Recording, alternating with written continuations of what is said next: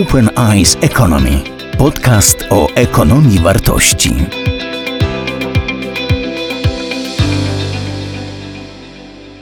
Z meczem reprezentacji Polski pewnie konkurować jest trudno, ale e, e, jak Państwo pewnie się zorientowali, żyjemy w świ- świecie, który zawsze ma dwie rzeczywistości. Jest rzeczywistość meczu, jest rzeczywistość politycznej dyskusji o, o Mistrzostwach Świata i o tym, co się dzieje w ogóle w, z piłką nożną.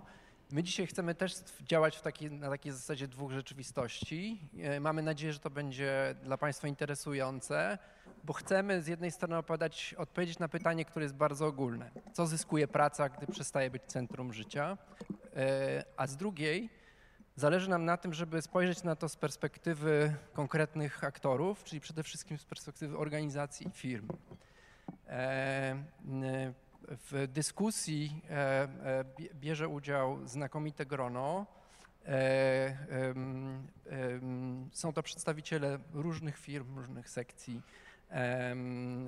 a także gość z Anglii, który opowie nam o doświadczeniach Autonomy UK, firmy zajmującej się, badającej właśnie organizacji, która bada przyszłość pracy i która zajmuje się obecnie wprowadzaniem czterodniowego tygodnia pracy w różnych organizacjach, w tym także w Polsce. E, A konkretnie już e, jest, są z nami e, pani Anna Panek, szefowa HR firmy Sunli, e, pani Anna Wrubel, szefowa HR Allegro, pan Mariusz,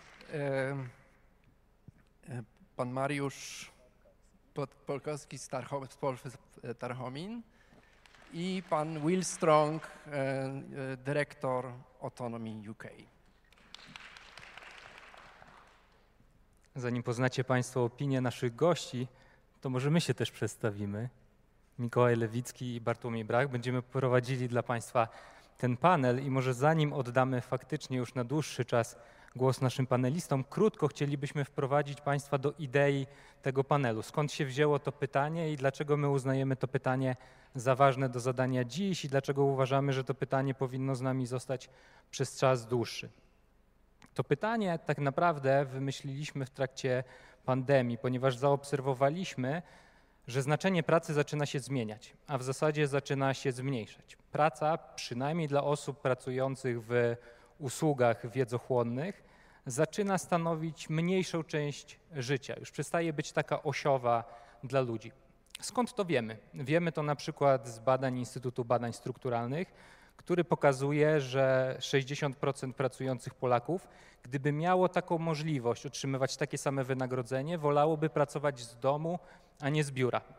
Badanie Manpower natomiast z tego lata pokazuje, że 73% Polaków chętnie przy zachowaniu wynagrodzenia przeszłoby na czterotygodniowy tydzień pracy. Obie te, obie te zmiany, obie te chęci pracowników są uzasadniane tym, że pozwolą tak jedna, jak i druga zmiana dopasować lepiej życie do pracy i pracę do życia. Znaleźć nowy modus, którym mogliby prowadzić swoje różnego typu aktywności i odnajdywać się w rolach, które pełnią. Natomiast ten optymizm i chęć zmiany, którą wyrażają pracownicy, ewidentnie nie jest optymizmem i chęcią ze strony pracodawców. W tym samym badaniu Instytutu Badań Strukturalnych, kiedy pytano pracodawców, pod jakimi warunkami oni by się zgodzili na to, żeby pracownicy pracowali zdalnie, ci sami pracodawcy powiedzieli, że tylko pod warunkiem, że pracownicy zgodzą się na obniżenie swoich wynagrodzeń aż o 40%, uważając, że tego typu zmiana doprowadzi do spadku produktywności i do problemów z zarządzaniem w firmie. Nie mówiąc już o reakcjach na propozycję czterodniowego tygodnia pracy, które bardzo często obracane są w żart, że to chyba chodzi o sześciodniowy tydzień pracy, a nie o czterodniowy. Więc widzimy takie pewne napięcie pomiędzy pracownikami i pracodawcami. I naszą intencją jest w ramach tego napięcia przeprowadzić z Państwem pewien eksperyment myślowy. Nie myśleć o zagrożeniach, jakie ta zmiana niesie dla pracodawców i dla biznesu, ale obrócić to pytanie i zobaczyć, jakiego typu korzyści biznes może odnieść w momencie, w którym praca przestaje być centrum życia. Ale zanim o tych korzyściach porozmawiamy, może zacznijmy od Państwa indywidualnych, a w zasadzie zawodowych doświadczeń. Czy moglibyście opowiedzieć nam, czy wy faktycznie to zauważacie, że wasi pracownicy albo wy sami, że praca dla was staje się taką konstrukcją mniej osiową, że to się przestaje kręcić wokół pracy, tylko zaczyna się kręcić wokół czegoś zupełnie innego? Opowiedzcie nam, jak to jest w waszych biznesach.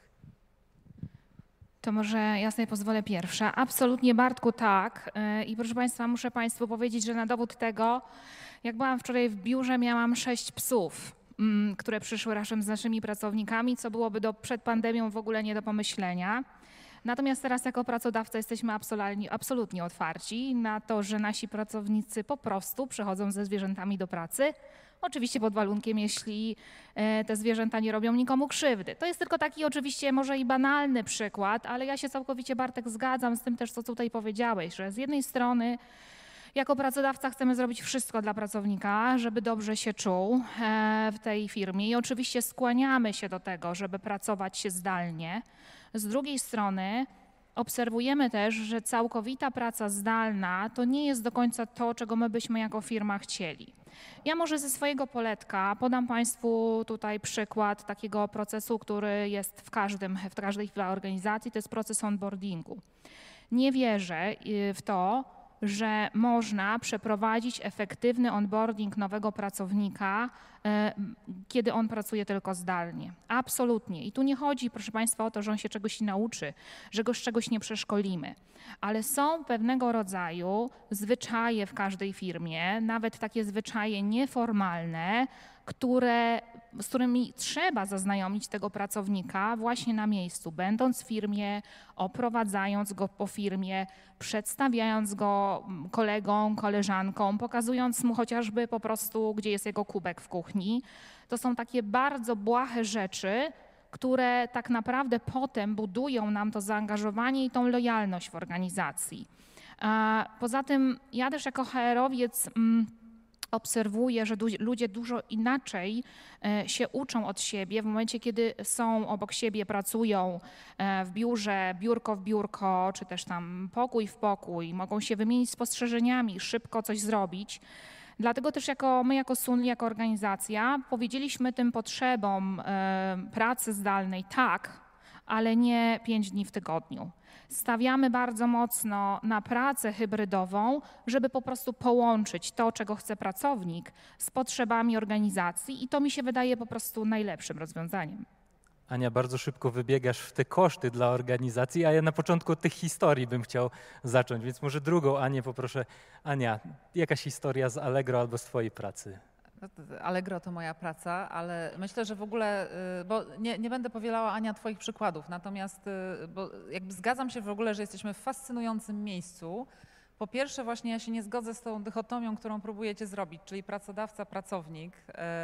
Bo y, po, po, pierwsze jesteśmy społecznością i każdy coś tutaj od siebie daje, żeby budować coś wspólnego. I myślę, że jeżeli są na sali też osoby z akademii, z organizacji pozarządowych, to to nawet nie jest kwestia tego, że to mówi biznes, ale w każdej organizacji jakby coś y, wspólnie budujemy i umawiamy się, że będziemy to razem budować.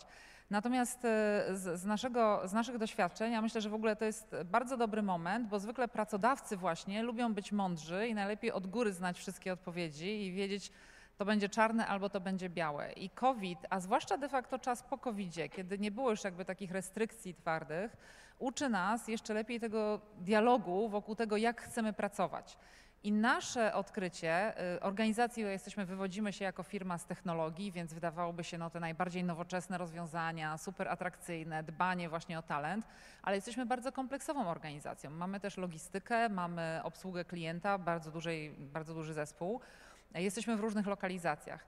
I nasze pytania, które stawiają pracownicy, najczęściej dotykają czegoś tutaj pewnie Will e, będzie opowiadał, czyli autonomii i sprawczości w wybieraniu w tym, jak chce kształtować swoje właśnie, swój, swoją relację z pracą. E, I jak chce pracować, skąd.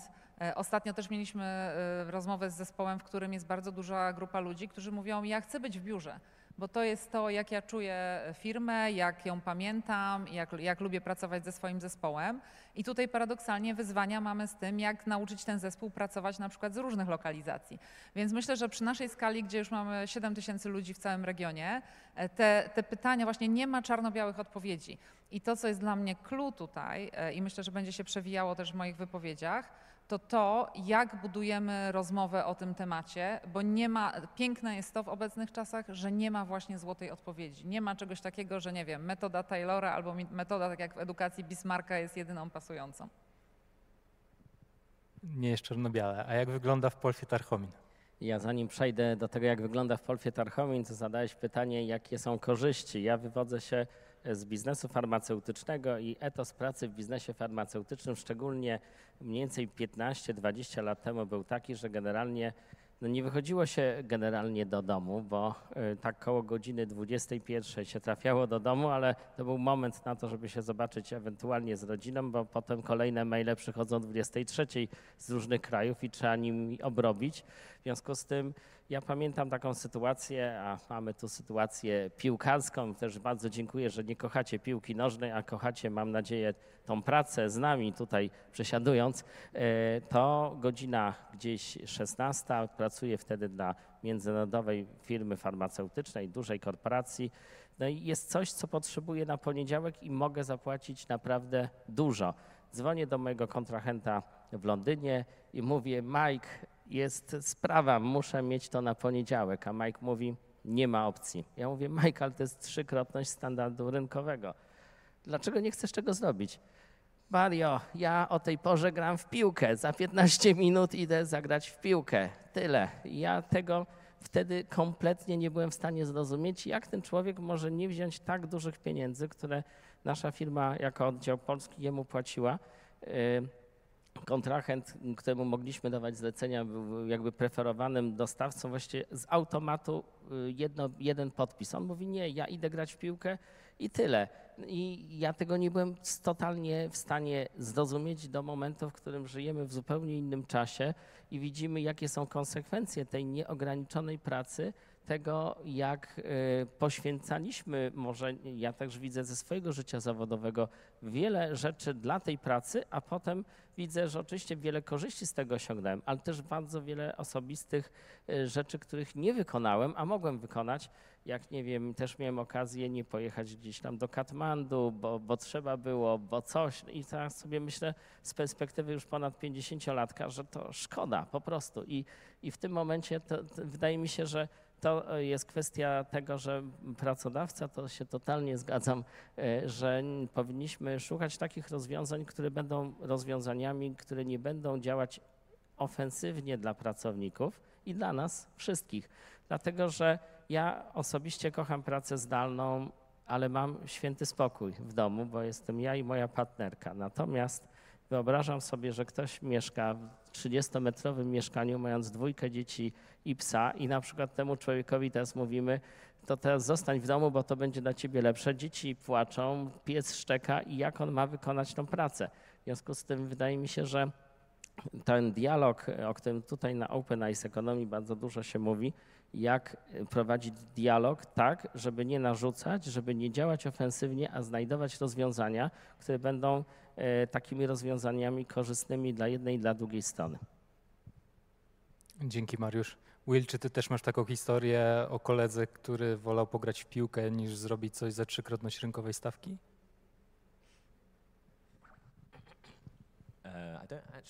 W sumie to nie mam historii o piłce nożnej, ale firma, e, którą prowadzę, to jest organizacja badawcza Oconomy. Jest to firma w Londynie, ale mamy też ludzi w Brighton, w Bristolu, również w Irlandii, jest jedna osoba w Brazylii. E, Jesteśmy firmą, w której pracuje się przez 4 dni w tygodniu, czyli z tego nam, mamy 32 godziny pracy tygodniowo. Pracownicy decydują, jak rozłożyć te godziny. E, Większość osób decyduje się na wolny piątek, bo wtedy mamy dłuższy weekend, ale działamy na takiej zasadzie od samego początku naszej działalności 5 lat temu. I oczywiście pandemia, ja się zgadzam z tym, co powiedzieli Państwo przede mną, że pandemia przyspieszyła pewnego, w pewnym sensie te nowe sposoby pracy, ale to był jeden potężny eksperyment tak naprawdę dotyczący różnych form pracy i w pewien sposób ten eksperyment był narzucony, a w latach 90. niektórzy mówili, o to się wydarzy już jutro i nagle nagle się wydarzyło dopiero teraz.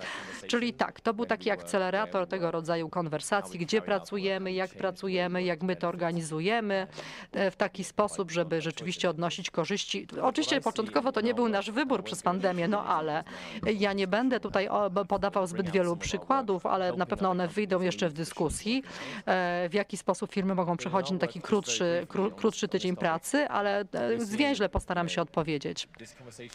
Ta e, rozmowa coś odblokowała w różnych sektorach. Zaczynaliśmy nasze usługi w tym zakresie trzy lata temu. Przychodziły do nas firmy, mówiły, mamy problem z rekrutacją, z zatrzymaniem pracowników, mamy różne ograniczenia e, środowiskowe. Chodzi o to, żeby na, nasz odcisk węglowy był mniejszy i naprawdę bardzo dużo się w tych lat, latach nauczaliśmy, nauczyliśmy, kiedy myśleliśmy o procesach pracy, myśleliśmy o różnych przypadkach, dlaczego e, firmy powinny przejść na krótszy tydzień pracy, więc chociaż zaczęliśmy przed pandemią, to faktycznie pandemia mnóstwo rzeczy przyspieszyła również dla nas. Jest, jest mnóstwo powodów, dla których tak się wydarzyło, ale na taką nutę przechodząc osobistą, krótsze godziny pracy są fantastyczne dla pracowników i to przełożyło się na znacznie lepszą kulturę pracy. Zgadzam się, że niektóre role czy niektóre osoby rzeczywiście muszą się pojawiać w biurze. Mamy konkretną politykę tego dotyczącą. To jest rzeczywiście ważne, ale na pewno korzystamy dzięki temu, że ludzie mogą spędzać więcej czasu poza biurem, ale to też daje możliwość wyboru co do tego, jak tę Wiemy pracę że organizować i prowadzić. W biurze odchodzi do przeszłości, jak rozumiem. Mamy już pojęcie mniej więcej, że chodzi o autonomię pracowników i dialog. No dobra, ale gdzie w takim razie te zyski dla organizacji? To znaczy w jaki sposób w takiej organizacji e, e, tworzy się przywództwo, podejmuje decyzje? E, jakby Państwo mogli się na, na ten problem e, spojrzeć z perspektywy już or- organizacji, czyli tak jakby Państwo mieli przekonywać do zmian typu całkowicie elastyczny czas pracy, czterodniowy tydzień pracy swoich przełożonych. To na jakich, argumentów możemy użyć? A może nie, może nie warto przekonywać, może warto zostać w systemie, który jest elastyczny, ale mm, w którym nie podejmujemy tego typu mocniejszych zmian. Mm, Ja myślę mm, przede wszystkim, znaczy nawet nie myślę, wiem to z własnych obserwacji i doświadczeń. E, W czasie pandemii postanowiliśmy jako organizacja prowadzić taki program. On się nawet chyba tutaj nie popełnię nie tak tu mówiąc, jak się nazywa, nazywa się work time i po prostu służy do tego, żeby wyliczać aktywny czas pracownika, e, który spędza codziennie przy pracy e, przy komputerze.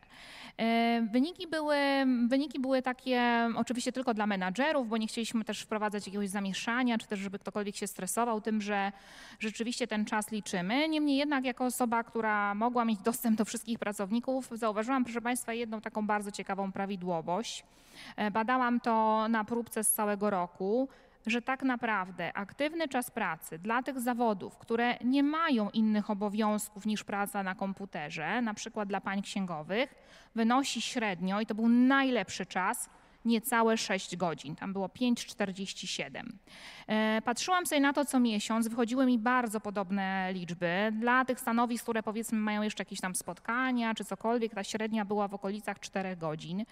E, I proszę Państwa, to mi też jasno pokazało, że gdybyśmy tak naprawdę ograniczyli ten e, dzień pracy do 6 godzin, aczkolwiek jestem wielką przeciwniczką czterodniowego tygodnia pracy, ale do 6 godzin, to myślę, że wszystkie te zadania, które robimy w 8 godzin, byłyby robione z taką samą efektywnością, dokładnością i firma by na tym nie, nie straciła.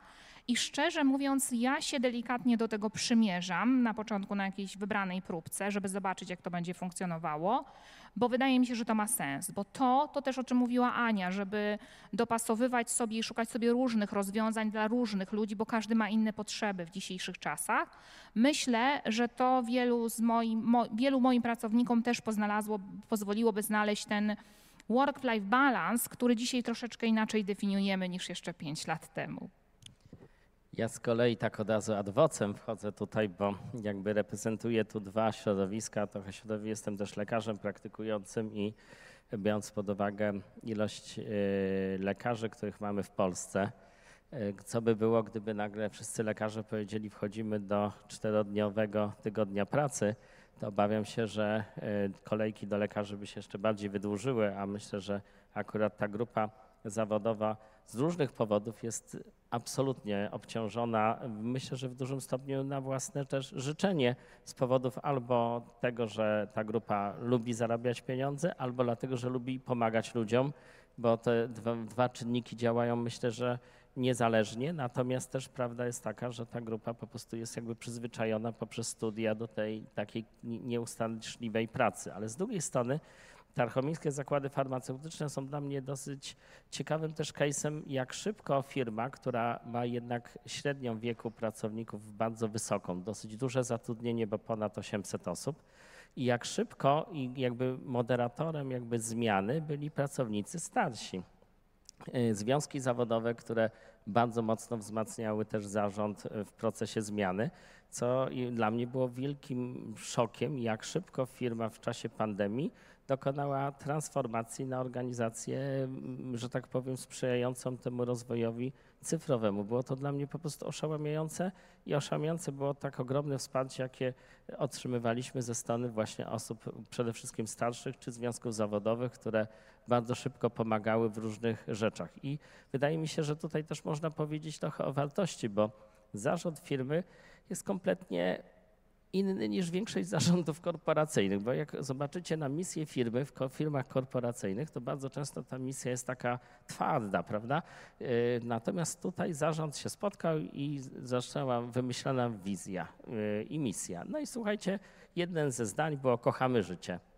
Tyle wystarczy. I sobie myślę, że jak na firmę farmaceutyczną, co tu dużo mówić. Oczywiście pewnie osoby, które się zajmują biznesem yy, od strony, mm, że tak powiem, zawodowej powiedzą, co to za misja, ale de facto, no właściwie o to chodzi. No, firma farmaceutyczna ma pomagać ludziom, żeby żyło im się lepiej, zarówno poprzez dostarczanie produktów, które ułatwiają to życie, albo też serwisów. I y, wydaje mi się, że tutaj wchodzimy w tą kwestię y, dobrostanu i tego, co ten pracownik zrobi z tymi pozostałymi dniami wolnymi, czyli będzie sobie pracował 4 dni, a potem co on będzie robił. No i teraz jest kwestia tego, że oczywiście nam się wydaje, że my wszyscy po wyjściu z pracy, to następnie chodzimy sobie na medytację, a potem chodzimy na zdrowe jedzenie. E, Spotykamy się i kochamy z rodziną, która też nas bardzo kocha i my ich kochamy. Potem kładziemy się spać, śpimy minimum 8 godzin, nie stresujemy się i wracamy do cudownego środowiska pracy. A w rzeczywistość obawiam się, że jest taka, że jak wracamy, to bardzo często co wchodzi w grę? Grill, piwko albo inne używki, yy, sprzątanie albo kłótnia z rodziną i tak dalej. Ja teraz pokazuję tą drugą historię, czyli też ta odpowiedzialność, jeżeli kochamy życie, to w jaki sposób my pokazujemy tym ludziom, jak oni powinni żyć. I wtedy, moim zdaniem, będziemy bardziej przygotowani na to, żeby pracować mniej, e, żeby po prostu faktycznie ten czas, który spędzamy z bliskimi, e, był jakościowo ważny, żebyśmy e, po prostu żyli lepiej i wartościowiej. W związku z tym postawienie tych wartości wydaje mi się, że są tutaj kluczowe, żebyśmy mieli ludzi o tych samych wartościach. No właśnie, ale jak skrócimy czas pracy, będziemy oczekiwali tej, same efekty, tej samej efektywności, czy nie będziemy mieli do czynienia z procesem, który już widzieliśmy przed pandemią, a pandemia to bardzo wzmocniła, czyli że praca została przeniesiona do stre- strefy prywatnej, tak? To znaczy ludzie zaczęli mieć kłopoty z tym, żeby oddzielać czas pracy od czasu e, e, prywatnego.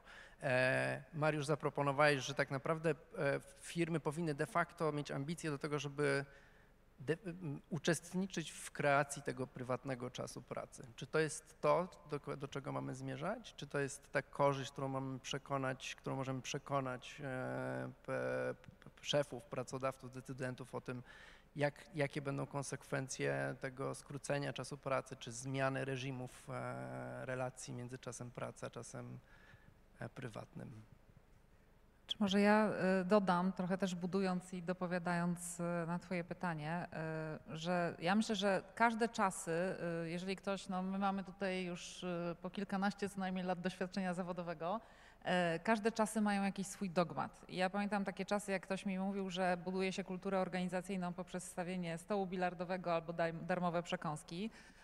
I tak nie jest. I tak samo dzisiaj, takie krótkie, proste, to się fajnie e, czyta jako nagłówki, e, czy cztery dni, czy krótszy dzień, czy, e, czy nawet kwestia zwierzęta w pracy. E, Ja bardzo staram się przyjrzeć temu, co jest, jakby, co jest potrzebne rzeczywiście, żeby, żeby osiągnąć cel, który chcemy tutaj osiągnąć i jak to głęboko osadzić. E, Bo dzisiaj na przykład, jeżeli mówimy sobie o tym, żeby e, pracować hybrydowo na przykład i e, spędzamy trochę czasu poza biurem, jednocześnie właśnie mamy zespoły rozproszone. I Allegro jest organizacją, która bardzo gwałtownie urosła akurat w trakcie też e, pandemii, więc trudno jest nam powiedzieć, że to jest nieefektywne, no bo biznesowo osiągamy dobre wyniki, rozrośliśmy się jako organizacja, e, jeszcze wyszliśmy za granicę. Z drugiej strony bardzo szybko na przykład okazało się, że to, co kuleje, to jest jakość naszych spotkań i jakość właśnie zarządzania czasem. I bardzo od początku praktycznie e, pandemicznej pracy mieliśmy taką inicjatywę, która właśnie obejmowała podnoszenie efektywności spotkań. Nie tylko chodzi o to, żeby więcej na tym spotkaniu załatwić, że tak powiem, w sensie więcej wyników, ale żeby jakość tego, co osiągamy, była lepsza, żeby bardziej osiągnąć cele spotkania. I tak naprawdę wszyscy się czegoś nowego uczyliśmy. I dzisiaj, na przykład, kiedy mówimy o tym, że y, to, o czym ty wspomniałeś, to jest moim zdaniem też taka umiejętność, którą powinno się. Ja zawsze marzę o tych przedmiotach na maturze, takich prawdziwych. I uważam, że zarządzanie energią to powinien być jeden z przedmiotów na maturze, żebyśmy my potem nie musieli ludziom tłumaczyć, jak tą energią zarządzać, albo robić im inicjatyw well-beingowych i trochę traktować dorosłych ludzi, jakby ich reedukować, przypominać im o postawieniu granic. I ja niekoniecznie uważam, że teraz można przyjść do, nie wiem, właściciela firmy, mitycznego inwestora i powiedzieć, teraz to już w ogóle mam kontrolę nad pracownikiem, od początku do końca, w ogóle widzę, co robi, kontroluję go przez różne zdalne urządzenia, e, Zooma i tak dalej. E, Wręcz przeciwnie, ja powiedziałabym, nie, ja bym chciała mieć jeszcze bardziej dojrzałego pracownika. Pracownika, który sam umie powiedzieć, e, to są właśnie moje granice. Albo wiesz co, Ania, ja już nie dam rady więcej na przykład. Albo e, o rany, wiesz co mi przyniosło ostatnio radość. I ja mam często do czynienia z, nazywamy to w Allegro People Leaders, czyli w starej nomenklaturze nazywało się to menedżer liniowy, czy po prostu menedżer. E, Mówimy people leaders, dlatego że właśnie większość umiejętności, które musimy przekazać liderom, to dzisiaj jest umiejętność taka właśnie humanistyczna dotarcia do tego, ok, jak ty się naprawdę czujesz. No jeszcze w Polsce, w Europie Środkowo-Wschodniej, wschodniej, na przykład kwestie mental health, zdrowia psychicznego. Bardzo ogromne dylematy też pokowidowe, jak przekonać ludzi na przykład, żeby skorzystać z wsparcia. I ja myślę, że na koniec taki długoterminowa gra, jeżeli mogłabym powiedzieć, a jesteśmy firmą giełdową, więc też patrzymy na to, żeby być w długim okresie firmą taką e, odpowiedzialną i odpowiedzialnie się rozwijającą, to jest właśnie gra na to, żeby nie robić gwałtownych i powierzchownych ruchów, żeby nie sprzedawać pracownikom pod super hasłem czegoś, co jest taką pigułką trochę i świetnie się sprzeda na przykład, nie wiem, właśnie do zarządu, e, ale właśnie mówić o tym, jak głębokiej zmiany potrzebujemy, co potrzebujemy naprawić. Może nawet to nie jest e, kolokwialnie mówiąc sexy, jeżeli się czymś zajmujemy, ale to nam przyniesie długofalowe wyniki, bo na przykład właśnie łatamy jakąś lukę edukacyjną. Albo na przykład e, wielu people liderów, którzy wywodzą się w naszym przypadku na przykład w obszarze technologii z takiego relatywnie prostego zarządzania zespołami. Tu masz do zrobienia kawałek kodu, to masz na, te, na wtedy zrobić i się wydaje, że ta praca jest taka prosta. Okazuje się, że ci liderzy na przykład bardzo właśnie często mają braki w takich umiejętnościach leadershipowych, przywódczych, komunikacyjnych. E, Brakuje czasem tego przysłowiowego, e, też nie chcę tutaj jakby robić różnic wiekowych, ale mówi się kolokwialnie siwego włosa, że już niejedno w życiu widziałem. To nieważne ile ktoś ma lat, ale tego wyciągnięcia wniosków z moich własnych doświadczeń. I ja widzę w komunikacji z pracownikami, że gdybym dzisiaj wstała i powiedziała, czy za tydzień na naszym spotkaniu, takim town hallu, e, że słuchajcie, cztery dni e, w biurze, e, w ogóle robicie co chcecie, gdzie chcecie, cały świat przed nami otworem, to by fajnie zadziałało, ale bardzo krótkoterminowo. Ja potem zobaczyłabym na wynikach zaangażowania, na właśnie wynikach well-beingowych, nawet może mniej na wynikach biznesowych, że to do końca nie jest jednak taki odpowiedzialny rozwój nasz wspólny pracodawcy i pracownika e, w długim okresie. Will, jak to jest z tą relacją między e, efektywnością a czasem pracy? Ja myślę, że tutaj jeszcze warto dodać jeden element, że mm, bardzo mocno mamy chyba teraz w każdej organizacji osadzone pokolenie Zetów. I oni jednak bardzo, bardzo potrzebują do trochę takiego innego podejścia, e, wręcz e, takiego podejścia, gdzie ta praca i życie prywatne, one się gdzieś tam uspójniają, one się bardzo mocno zazębiają. No generalnie w praktyce chodzi mi o to, że oni nie chcą pracować 8-16 i o 16.01 wyjść z pracy i mieć super fajny czas na, na swoje prywatne rzeczy.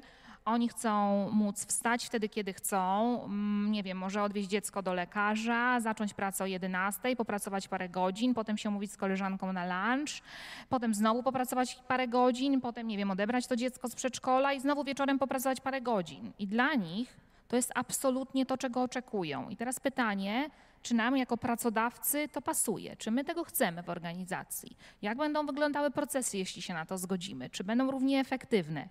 Ale myślę, że warto to przemyśleć i się nad tym zastanowić. My oczywiście w Sunli wprowadziliśmy tak zwane core hours, kiedy rzeczywiście musimy być wszyscy dostępni. Poza tymi godzinami 11-15 pracujemy jak kto chce. Natomiast wiem, że nie każda organizacja sobie może na to pozwolić, ale uważam, że to jest dobry kierunek, żeby jednak spróbować popatrzeć na te oczekiwania e, oczami generacji Z, bo oni, wydaje mi się, sporo nas uczą i jeszcze nas dużo nauczą. So Może jeśli chodzi o nasze usługi konsultingowe i czemu firmy przychodzą na krótszy czas pracy. My prowadzimy projekty pilotażowe w naszych organizacjach, w różnych sektorach, prywatnym, publicznym. Mamy też dużego klienta korporacyjnego, który tutaj ma siedzibę w Polsce. Zaczęło się to trzy lata temu. Firmy marketingowe się do nas zwróciły i powiedziały, musimy mieć coś do zaoferowania ludziom. Google i Facebook płacą więcej, my musimy mieć coś, jakąś korzyść, która utrzyma ludzi przy nas, ale też przyciągnie nowych pracowników. I zresztą na tym żeśmy pracowali już od 3-3,5 roku. Co mam na myśli? Po prostu ludzie przychodzą i odchodzą i to jest kosztowne. Potrzeba tych nowych ludzi szkolić. Więc jeśli coś się zaoferuje, aby ludzi otrzymać, co jest ważne, równocześnie kiedy mamy duże płace, wysokie, no to można zaoferować krótsze godziny za te same pieniądze. To może być korzyść dla jakiejś firmy, no bo w innej można się wypalić za parę tygodni. I to jest znaczące dla wielu z naszych klientów. Z wielu innych powodów firmy też to robią. Na przykład kwestie związane ze środowiskiem naturalnym. Mamy jakąś taką firmę z Bristolu. Chcemy ograniczyć nasz ślad węglowy, chcemy ograniczyć czas pracy, będziemy mieć mniej dojazdów i to wpłynie na pewne wybory życiowe, lifestyle'owe. Na przykład związane z tym, ile plastiku w biurze się zużywa. Więc mamy powodów wiele. Na przykład poważną kwestią jest wypalenie zawodowe. Tutaj dane statystyczne z Wielkiej Brytanii, wy macie pewnie swoje problemy. 17 milionów dni wzięto wolnego w związku ze stresem, z nerwicami i tak dalej. Tak mówią dane statystyczne Wielkiej Brytanii. To nie służy biznesowi. biznesowi. Jak człowieka się zacharowuje, to brzmi dobrze, ale tylko jeśli patrzymy tak, jak patrzyli na to Wiktorianie w wieku XIX. Dzisiaj chyba wybrzmiewa to, że tworzymy miejsce pracy i ono ma być jak gdyby korzystne. Ja jestem milenialsem, nie jestem z pokolenia Z, ale są też inne powody, dla których ludzie się wypisują ze starszej etyki pracy i nie chodzi tylko o zarządzanie. To zresztą osobny temat, nie musimy o tym mówić. Chodzi o to, że rynek pracy oferuje gorsze zatrudnienie. Nie dziwię się, że ludzie młodsi nie podchodzą do pracy w sposób specjalnie idealistyczny. Kolejna rzecz, tylko odpowiem na to, co tutaj wybrzmiało. W niektórych branżach trudno jest przejść na krótsze dni pracy. Pan mówił o lekarzach, ale mówimy też o edukacji, pracownikach społecznych, opieki społecznej.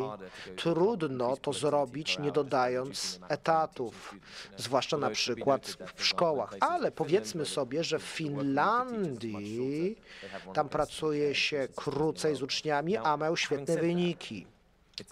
A co rzekłszy, trudno w branży zdrowotnej tak po prostu to zrobić. I w innych branżach też. W niektórych się da, w innych jest ciężej. Natomiast, natomiast no, to jest silny argument. Lekarze, pielęgniarki, pielęgniarze. Widziałem trzy badania, co mówią, jak ci ludzie są wypaleni, robią błędy. No akurat jeżeli gdzieś mamy unikać błędów, to akurat tam. Nie chcę cierpieć w wyniku błędu lekarskiego, dlatego że lekarz był wypalony, przepracowany. Więc to jest kwestia inwestycji w to, żeby ci ludzie nie byli wypaleni. Co więcej, błąd oznacza koszty prawne, prawda? A więc nie chodzi tylko, że będzie ciężej. No trudno, lekarze będą musieli pracować 16 godzin na dobę. Nie. Pamiętajmy, że oczywiście to wszystko potrwa. Potrzebna jest odpowiednia strategia rządowa. Kolejna rzecz. My pracujemy z firmami. Niektórzy ogni, skracają dni pracy, inni tydzień pracy. Być może to był żart. Nie jestem pewien, jak to wygląda w kontekście tego, jak narzucamy ludziom czas pracy, jak to sobie tam pi, piją piwko. Poleciliśmy jedną piwiarnię dobrą tutaj w przerwie. Brzmi to fajnie. Will przedstawił całą listę korzyści e, na rzecz tego skróconego czasu pracy.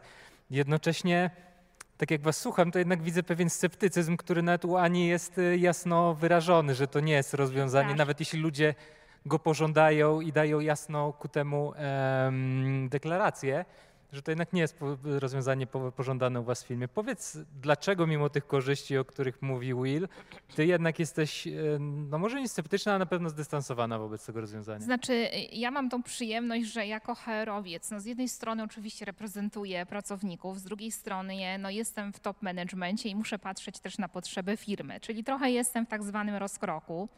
Proszę Państwa, ja sobie nie wyobrażam, jak wyglądałyby procesy decyzyjne w mojej firmie, gdybyśmy pracowali na przykład od poniedziałku do czwartku. I jak, co by się działo po prostu, nie wiem, z jakimiś e, projektami, które wymagają nawet czasami pięciominutowego wglądu i podjęcia jakiejś decyzji, czy poinformowania kogoś, czy przesłania czegokolwiek. No szczerze mówiąc, po prostu sobie tego nie wyobrażam. Nie wyobrażam sobie zakładów produkcyjnych, które by miały pracować w ten sposób. No oczywiście tam zmianowość y, i tak dalej. No mm, jest mi to sobie to ciężko wytłumaczyć, ale proszę Państwa, y, ja nie mówię nie. Właśnie dlatego ja patrzę i słucham z szeroki, szeroko otwartymi oczami i zastanawiam się, na ile, się, na ile czasu upłynie, zanim się rzeczywiście do tego przekonam, bo Siedem lat temu pamiętam, kiedy miałam jedno bardzo ważne spotkanie biznesowe i na którym miał się pojawić kolega z IT i wszystkim nam powiedzieć, czy ten projekt, który robimy ma sens i nie ma sensu.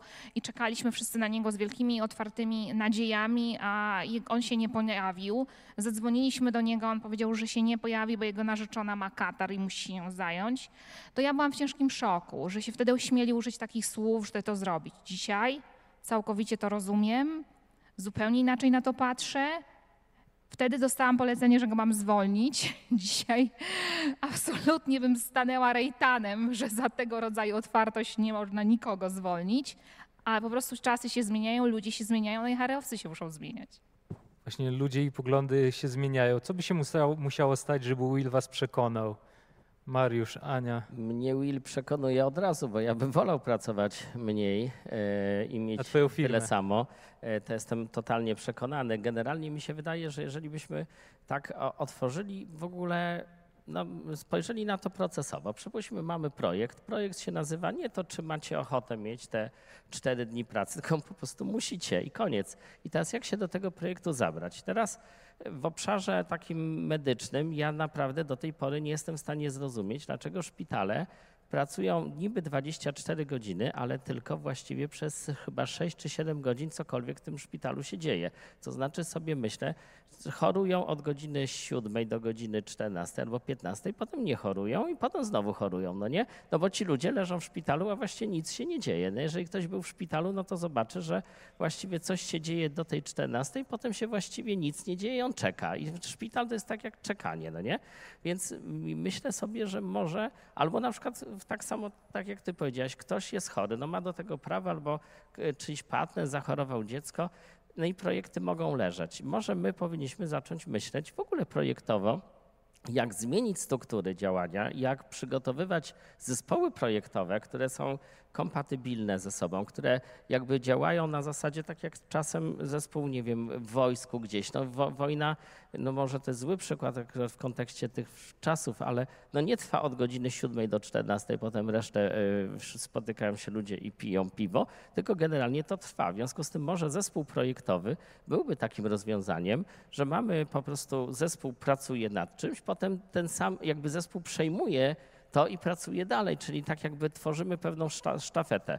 Druga rzecz jest taka, która jest dla mnie bardzo ważna, to jest jakby niszczenie struktur pionowych w firmach, bo moim zdaniem struktury pionowe są znowu y, bardzo złe. Uważam, że struktury poziome, które y, znowu może do wojskowości dam przykład, ale te y, jakby wojsko izraelskie działa właśnie na zasadzie decyzyjności na poziomie już takiej nie wiem, małej, nie wiem czy się nazywa brygada czy coś, ale to samo działa jakby w firmie. Jeżeli byśmy mieli strukturę, która jest decyzyjna, działająca w małym jakby obszarze, ale też w obszarze nie tylko różnych kompetencji, ale też różnych y, grup, jakby czy mamy i pracownika IT, marketingu, PR, przypuśćmy w jakimś projekcie, który działa na zasadzie tak jak się robi iteracje w IT, no to te zespoły mogłyby działać po prostu sprawnie i mogłoby wtedy spokojnie moglibyśmy działać w systemie nawet i mniej niż y, y, tyle y, czterodniowy tydzień pracy.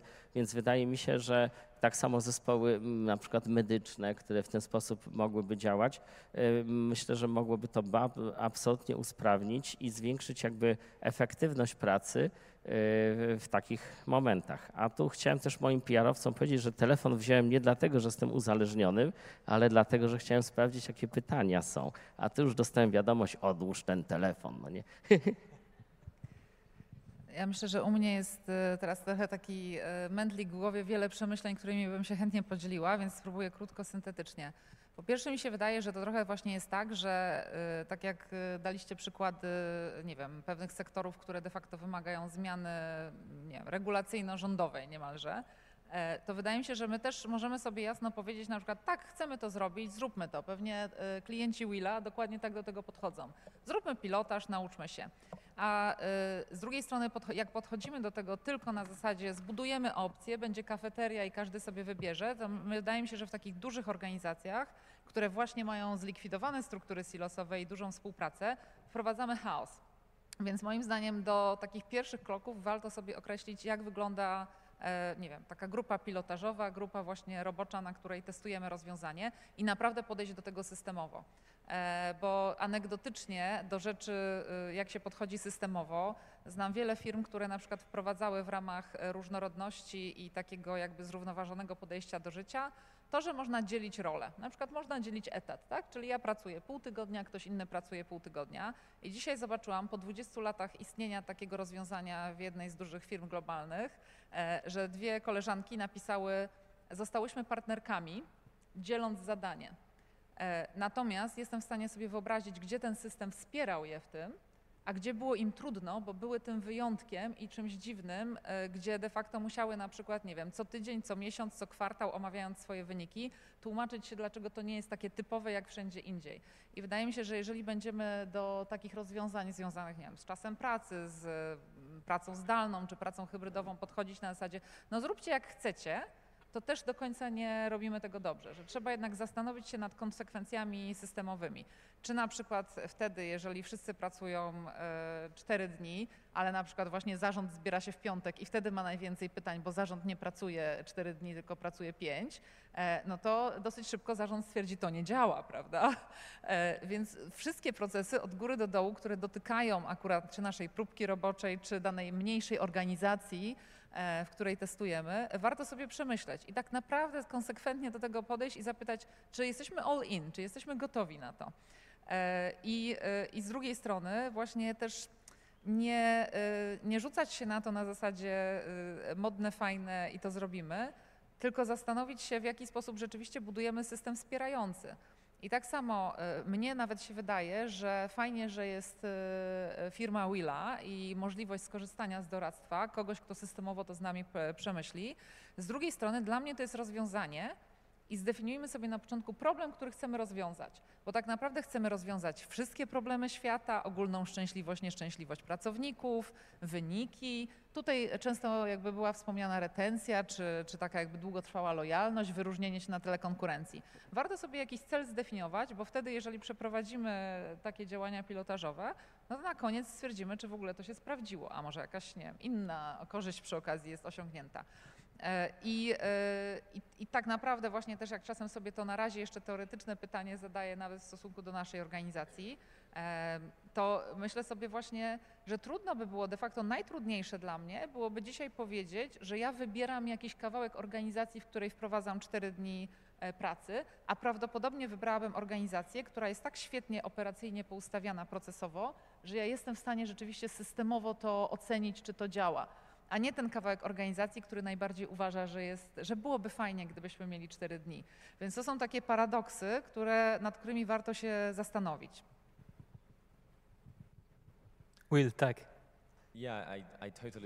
Tak, całkowicie się z Panią zgadzam. I z, z tym wszystkim, co Państwo mówią w zasadzie, bo z naszego doświadczenia te organizacje, które naprawdę mają problem z podejściem do pracy, no to albo mają słabą kulturę pracy, albo nie myślą o wszystkich procesach z góry na dół. Dokładnie.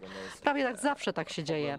Jak jest problem, albo widzimy, że firma mówi, o, był projekt pilotażowy, nie wyszło nam to, no i analizujemy i to właśnie były te powody, o których Pani mówiła. Zgadzam się i to jest duże wyzwanie. Jak mówimy o skróceniu tygodnia pracy, mówimy o zmianach procesów, a tam są dogmaty, przyzwyczajenia, tam się mieści w tym dużo rzeczy, więc naprawdę trudne może być takie przejście. Z tym zgadzam się w 100%. To tu jeszcze chciałem powiedzieć, a myślę, że mocną stroną tego, jeżeli mamy taki pilot, pilotażowy projekt, to klienci mówią, o jest dużo wahań, niepokojów, dlatego to jest ważne, żeby zacząć od pilota, żeby mieć dobry mechanizm sprawdzenia, jak wyglądają, jak wypadają KPI, e, jak wypadają różnego rodzaju korzyści. To nie jest tak, że Państwo na pewno to rozważają, ale być może Państwo o tym jakoś gdzieś tam myślą, więc faktycznie taki pilot jest na początku bardzo dobry, ale większość klientów mówi, że, że to jest bardzo ważne, że musieli przeanalizować swoją firmę, jej działalność i zorientowali się, co sprawia, że ona hula, że to wszystko działa. E, rzeczywiście w tym momencie w Europie toczy się wiele eksperymentów. E, na przykład były takie piloty w sektorze pilotażowym, przepraszam, w sektorze publicznym w Islandii, w policji, w sektorze opieki nad dziećmi. To były bardzo takie małe, ma, małe organizacje, ale też potem był taki proces pięcioletni pilotażowy, e, 200 pracowników. Tam się pojawiło mnóstwo ciekawych informacji e, i nawet takie potem prowadziliśmy wywiady z pracownikami, jak zmieniło się ich życie, kiedy była tylko dwugodzinna różnica w dniu pracy.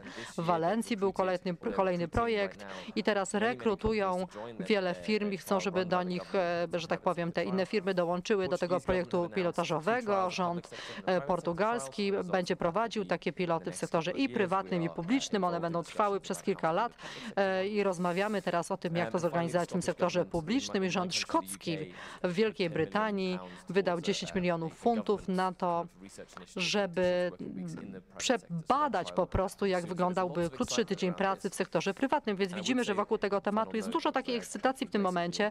Natomiast mam wrażenie, że te wszystkie bardzo rozsądne uwagi tu się już pojawiły. I ja do tego tak naprawdę niewiele mogę dodać, ale na koniec chcę tylko powiedzieć, że naprawdę jestem przekonany, że widzieliśmy już tych wczesnych, wczesnych przyjmujących to rozwiązanie, więc oni już mają pewne wnioski. E, I na pewno teraz jest już inny etap, bo niektórzy przyjęli to rozwiązanie, mają swoje przemyślenia i teraz myślę, że nadchodzi ta znacznie no większa dobrze, grupa wiemy, i to będzie wyglądało być może nieco inaczej. Zmiany w czasie pracy jest bardzo mocno o zarządzaniu. Spróbujmy sobie powiedzieć właściwie, co musi się stać z zarządzaniem organizacją, żeby tego typu zmiany mogły wejść w życie. E, I tu szczególnie bym się odniósł do mm, nazwy firmy Willa, która dla mnie jest pojęciem takim ważnym, czyli autonomia. Co to właściwie znaczy autonomia pracownika w firmach, które są jednocześnie poddane reżimom e, rozliczalności na giełdzie, pokazywania zysku itd. itd.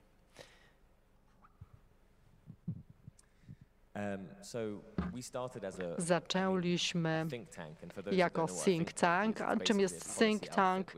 To jest taka jednostka, która stara się zmienić polityki rządowe, więc autonomii było nawiązaniem do no cóż, no tam było wiele odniesień w gruncie rzeczy, bo jedno nawiązanie do tego, żeby było więcej kontroli nad pracą i czasem poza pracą, żeby ta kontrola spoczywała w rękach pracowników.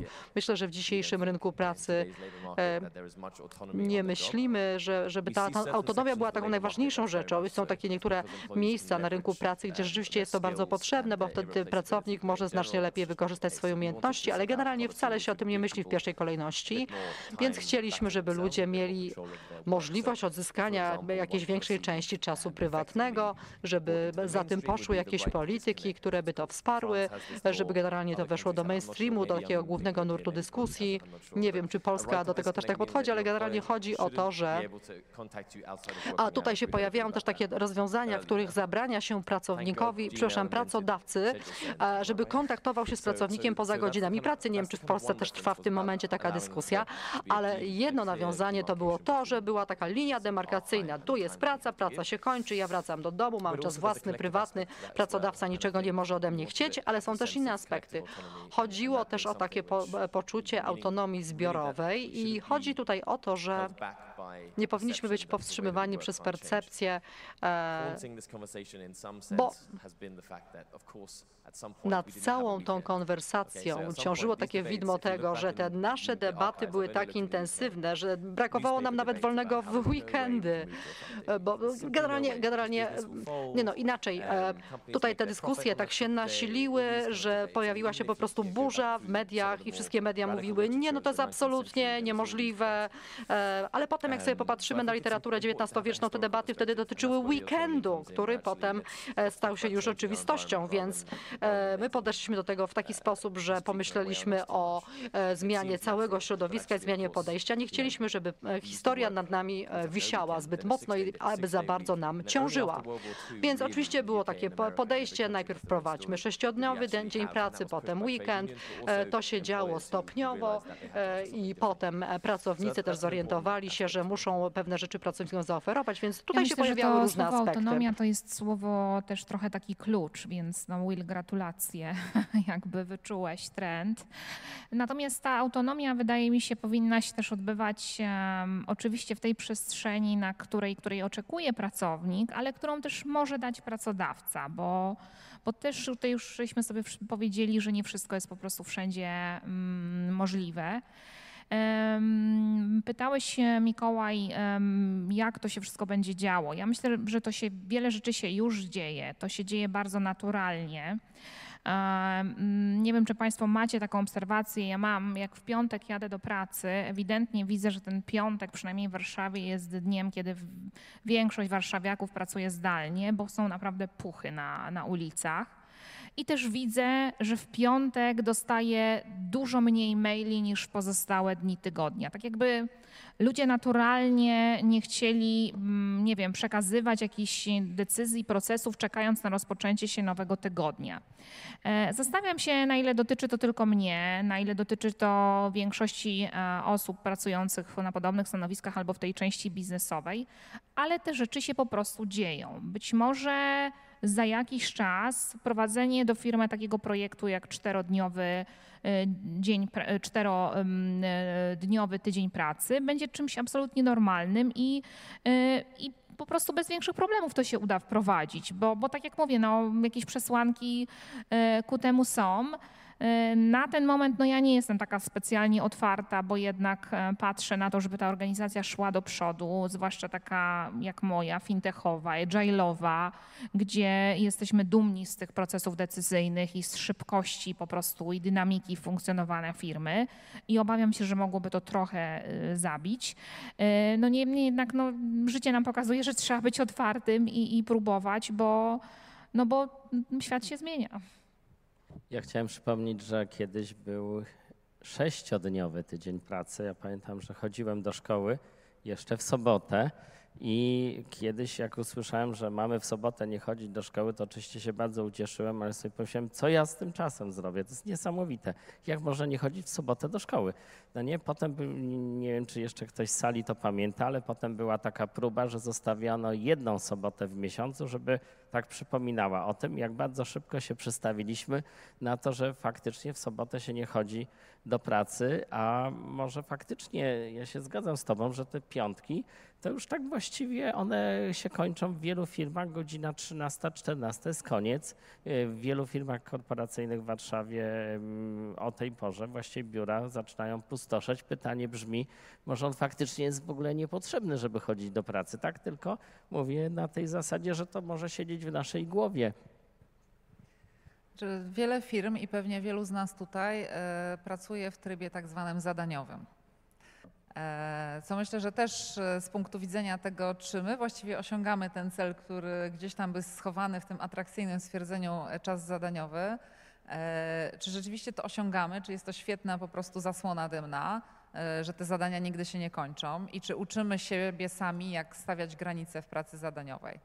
Druga rzecz, która też w statystykach się pojawia, znamy firmy, ja też w jednej z firm pracowałam, gdzie był nieograniczony czas na wakacje. Możesz wziąć ile chcesz wakacji. Statystycznie ludzie brali mniej niż y, ustawowe nasze, akurat w Polsce 26 dni i to o wiele mniej.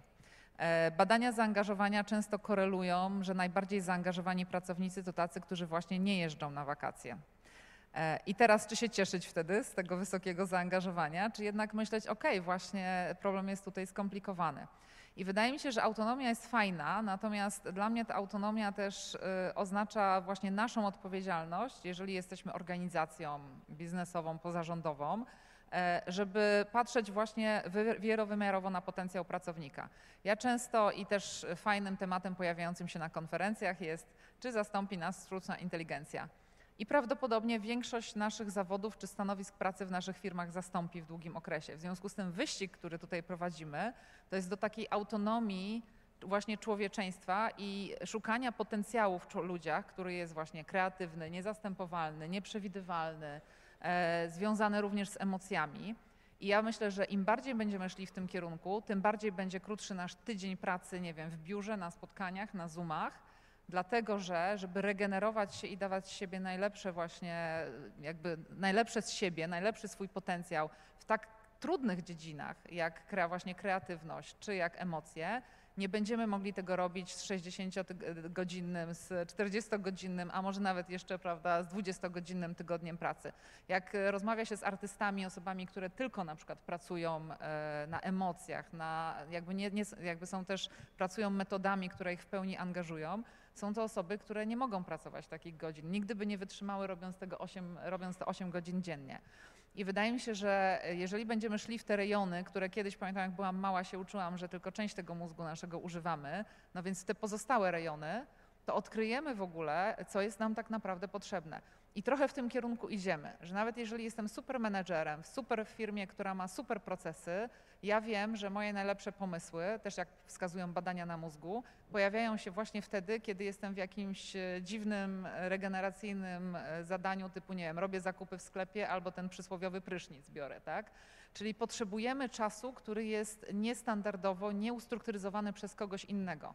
I wydaje mi się, że autonomia w dzisiejszych czasach i stąd myślę, że wiele osób ceni sobie jeden dzień wolny albo kilka godzin e, wolne, to to, że ktoś nam nie narzuca, co robimy ze swoim czasem, że mamy kontrolę nad tym, co się dzieje z nami, o czym myślimy i mamy ten taki też właśnie, nawet jeżeli to jest w pracy, e, na przykład w, moim zespole e, mamy też tą wolność na przykład, żeby umawiamy się, że, nie ma, że mamy dni bez spotkań, tak? Coś, co przy covid i przy tak zwanej zoomozie się często pojawiło, bo ja wiem, że moi ludzie, nie mogę im po prostu wrzucać półgodzinnego spotkania, nie wiem, co godzina, pół godziny, bo te pozostałe pół godziny wtedy nie będzie efektywne.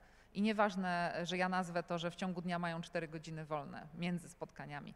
Także jest, myślę, że bardzo fajne jest to, że mamy tyle narzędzi, tyle danych, tyle osób teraz naprawdę myśli, pracuje, pilotuje różne rozwiązania, które z jednej strony właśnie w dziedzinie tej naszej jakby neuroelastyczności e, badają, co się z nami będzie działo. Z drugiej strony wchodzi cała właśnie dziedzina, czego nie, nie zastąpi sztuczna inteligencja, więc patrzymy na to właśnie, czym jesteśmy jako human beings, już wtedy human. E, I myślę, że przez najbliższe lata mam nadzieję, że to będzie taka pozytywna właśnie rewolucja, która odpowiadając na Wasze pytanie dzisiaj, też nie spowoduje, właśnie nie będzie podbijała dychotomii praca-życie, tylko będzie nam właśnie jeszcze bardziej pomagała autonomicznie blendować mój potencjał z tym, co robię i z tym, jak wygląda moje życie i jak sobie je kształtuję. Ale ja bym jeszcze a propos autonomii też y, pokazał tą drugą część. Przypuśćmy, mamy autonomicznego szefa, który uważa, że on ma prawo do autonomii. Ja takiego szefa przeżyłem. E, generalnie wyglądało to tak, że my przychodziliśmy do pracy w normalnych godzinach, a szef generalnie był autonomiczny i miał największe, że tak powiem, twórcze przemyślenie około drugiej w nocy, jak dwójka dzieci się obudziła, e, bo były to dzieci małe, więc szef e, znaczy, opiekował się tym dwójką dzieci, no i w tym momencie wysyłał maile z zadaniami. Więc my szliśmy do pracy o godzinie ósmej lub dziewiątej i dostawaliśmy mniej więcej czas, no bo od maili co trzeba zrobić, ale wtedy szef autonomiczny spał. E, budził się znowu koło południa późnego i wtedy znowu wysypywał zadaniami i my w tym momencie zaczęliśmy pracować w systemie właściwie 24 na 7.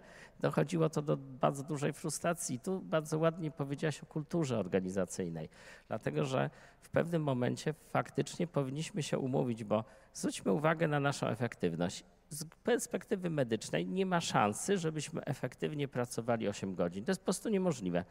My efektywnie z tych 8 godzin, jeżeli pracujemy dwa, to jest dużo. Jest też taka cudowna książka, którą mm, czytałem o pracy głębokiej, jak efektywnie pracować, mając bardzo małe sloty czasowe.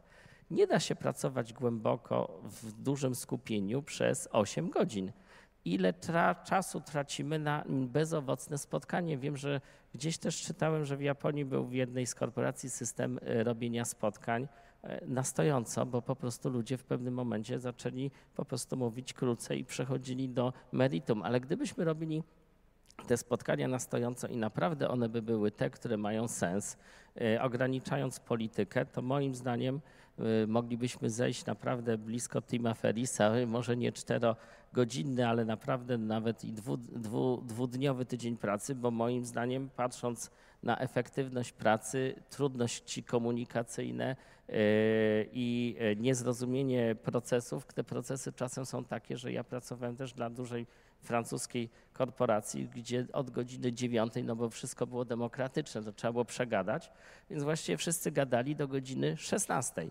16 odbywały się nieustanne spotkania, a nie wypadało wtedy włączyć komputer, bo zaraz był hejt, że dlaczego nie koncentrujesz się. No i to kończyło się tak, że potem od 16 wszyscy wracali do pokoju i mówili, wreszcie możemy usiąść popracować i tą robotę się robiło do 18, żeby wrócić do domu. De facto pracowaliśmy dwie godziny, bo resztę to była kawa i nieustanne spotkania, na których właściwie tłukliśmy non-stop to samo, no nie? Tylko żeby pokazać korporacyjnie, że procesy są przegadane. Więc ja mi się, mi się wydaje, że gdybyśmy szanowali czas innych, swój e, i pracowali efektywnie, w sensie takim, że, że wiedzieli, co robimy, po co robimy i w jednostce czasu, ja czasem się przysługuję, jak ja chcę zobaczyć, czy pracuję z zespołem efektywnym, robię następującą rzecz. I to zawsze, jak wchodzę do nowej organizacji, gdzie jestem szefem, wysyłam maila z pytaniem: Słuchajcie, poproszę Was, e, za trzy dni potrzebuję to, to i to zwykle dostaje odpowiedź w trybie natychmiastowym. Od razu dostaję wiadomość, tak Mariusz, za trzy dni dostaniesz to, to, to. Idziemy mailem. W związku z tym odbywam spotkanie i mówię, słuchajcie, poprosiłem mailem, ale jakbym coś się działo, to przyszedłbym albo zadzwonił. Dlaczego odbieracie te wiadomości od razu? W ogóle ta wiadomość nie jest istotna na tą chwilę.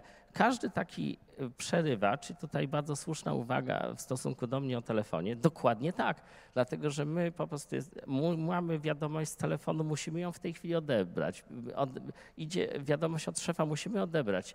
I nie, nie uczymy się pracy po prostu w pewnym momencie, sorry, jak coś się dzieje, mamy ten i, i jakiś tam sposób, telefony dają w tej chwili naprawdę dużo możliwości, że jak się naprawdę coś dzieje, to ten telefon zadzwoni, w innym przypadku go wyciszamy.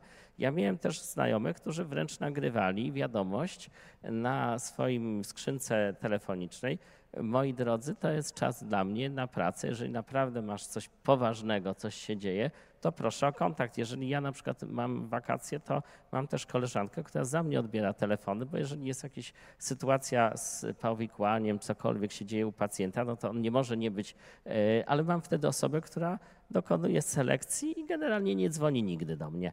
E, w związku z tym e, wydaje mi się, że to, to, to jak my sobie sami przeszkadzamy, jak my sami mm, generujemy po prostu dodatkową pracę, emocje, uniemożliwiając tą pracę głęboką, to, to, to, to, to więc idąc tu byłem za tym, żeby być przeciwny temu czterodniowemu, a teraz nawet mówię dwa dni pracujmy.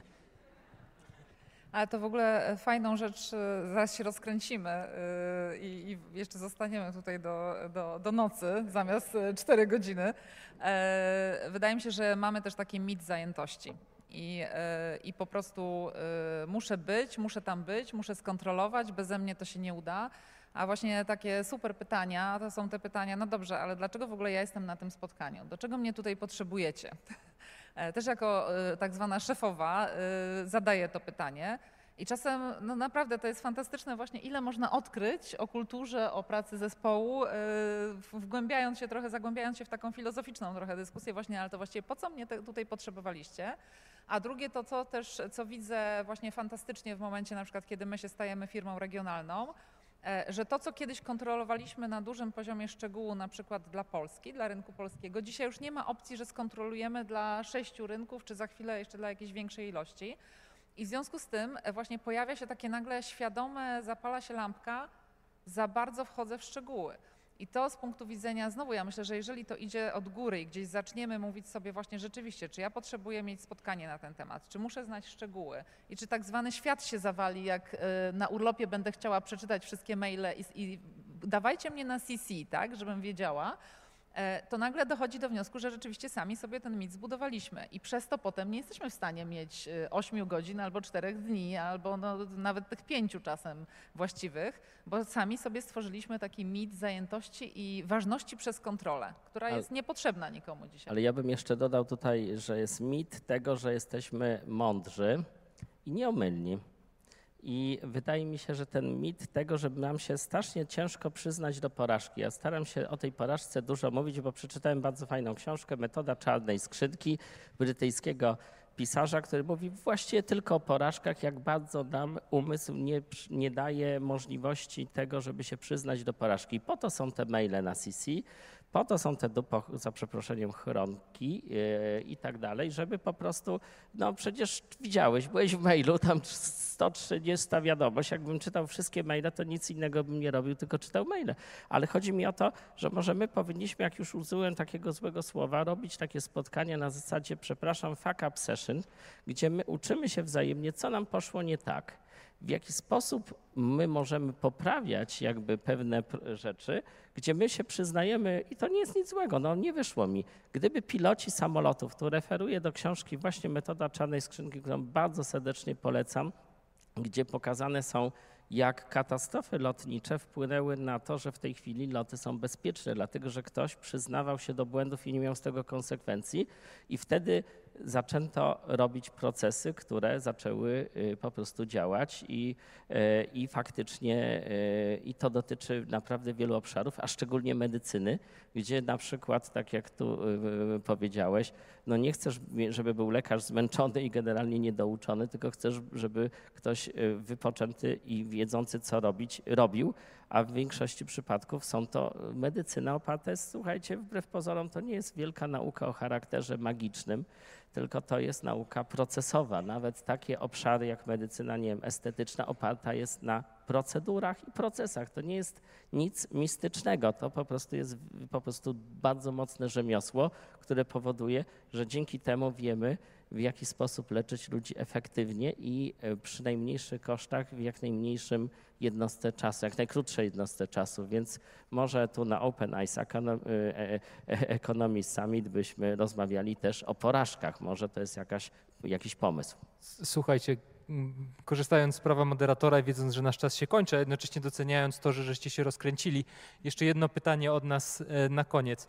Wiemy, że te nowe oczekiwania pracowników będą się pojawiały. Czy one będą związane ze skróceniem czasu pracy, czy zmianą miejsca pracy, czy jakimiś innymi oczekiwaniami, które mogą nastąpić, one z pewnością się pojawią. Gdybyśmy na końcu krótko mieli jeszcze dać naszym widzom taką radę, jak do tych oczekiwań podchodzić, jak nimi zarządzać, bo wszyscy jesteście menadżerami, więc taką menadżerską poradą chciałbym, żebyśmy się podzielili. Ja usłyszałem wcześniej, Ania, od ciebie, że ty na pewno zaczęłabyś od tego, żeby zdefiniować cel takiej zmiany, żeby nie tylko słuchać o tych oczekiwaniach, tylko zastanawiać się, jaką potrzebę one tak naprawdę załatwiają w organizacji, mówiąc tak kolokwialnie. Więc pytanie, czy coś jeszcze?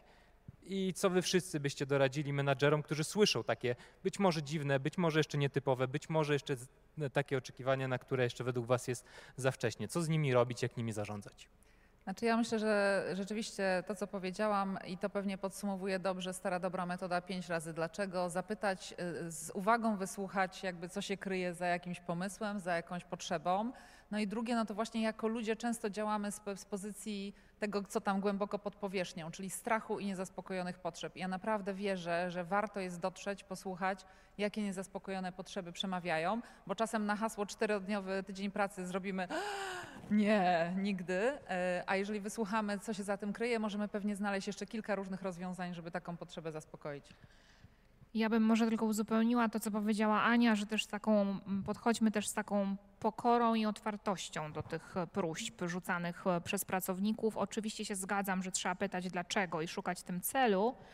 Natomiast niektóre pytania, i tu mówię ze swojego prawie 20-letniego już doświadczenia, wydają się błahe i racjonalne, a potem okazuje się, że są po prostu standardem. E, I warto było po prostu się nad nimi pochylić, zastanowić, zobaczyć, e, co organizacja może, co chce zrobić dla tych osób, żeby, żeby to oczekiwanie spełnić. Natomiast e, no też, proszę Państwa, no nie dajmy się zwariować. Miejsce pracy to nie jest koncert życzeń. E, nie jesteśmy po to, żeby spełniać absolutnie każde życzenie. E, ono musi mieć cel, ono musi mieć wartość, ono musi być pracownikowi i firmie potrzebne. E, I myślę, że tym jak gdyby kierunkiem powinniśmy patrzeć, próbując coś zmienić. I mam nadzieję, że mm, jeśli moja organizacja będzie gotowa na czterodniowy tydzień pracy, to ją to po prostu wprowadzimy i, i będziemy się cieszyć, że zarówno organizacja czerpie z tego profity, jak i przede wszystkim pracownicy są szczęśliwi. Mm, natomiast no, to nie jest coś, co, co dzisiaj bym zrobiła po prostu e, z zamkniętymi oczami, mimo fantastycznych inspiracji ze strony Willa. Ja bym tylko powiedział, że zacznijmy od siebie i zacznijmy zmianę od tego, żeby spróbować faktycznie empatycznie działać bardziej efektywnie w tej jednostce czasu i zobaczymy, że ten czas wygospodarujemy. Will. I would say Trzeba budować zaufanie i ludzie muszą kupić to, co my mówimy. Nie można tylko tak odgórnie, tu się zgadzam. I zresztą my to mówimy. Tak odgórnie wprowadzamy, to to nie zadziała. Trzeba negocjować, ludzie muszą słuchać. Jeśli chodzi o krótszy tydzień pracy, nasi klienci myśleli o tym w perspektywie wyników, a nie zadań jedynie. Chodzi o to, aby odżyć to, o czym mówimy, z tego, o czym żeśmy nie, mówi, nie, nie myśleli jeszcze wcześniej. Zdaje się, że dochodzimy do takiego ciekawego momentu, kiedy okazuje się, że duże organizacje w ogóle nie mają szans. Trzeba je zmniejszyć, rozproszyć, dać dużo większą indywidualność pracownikom, autonomię itd., tak itd. Tak Myślę, że otwiera nam się nowy temat, ale to już na następny raz. Bardzo dziękujemy Państwu za słuchanie, e, Państwu za udział w sesji. Czy jest jakiś wynik meczu? Ktoś coś wie?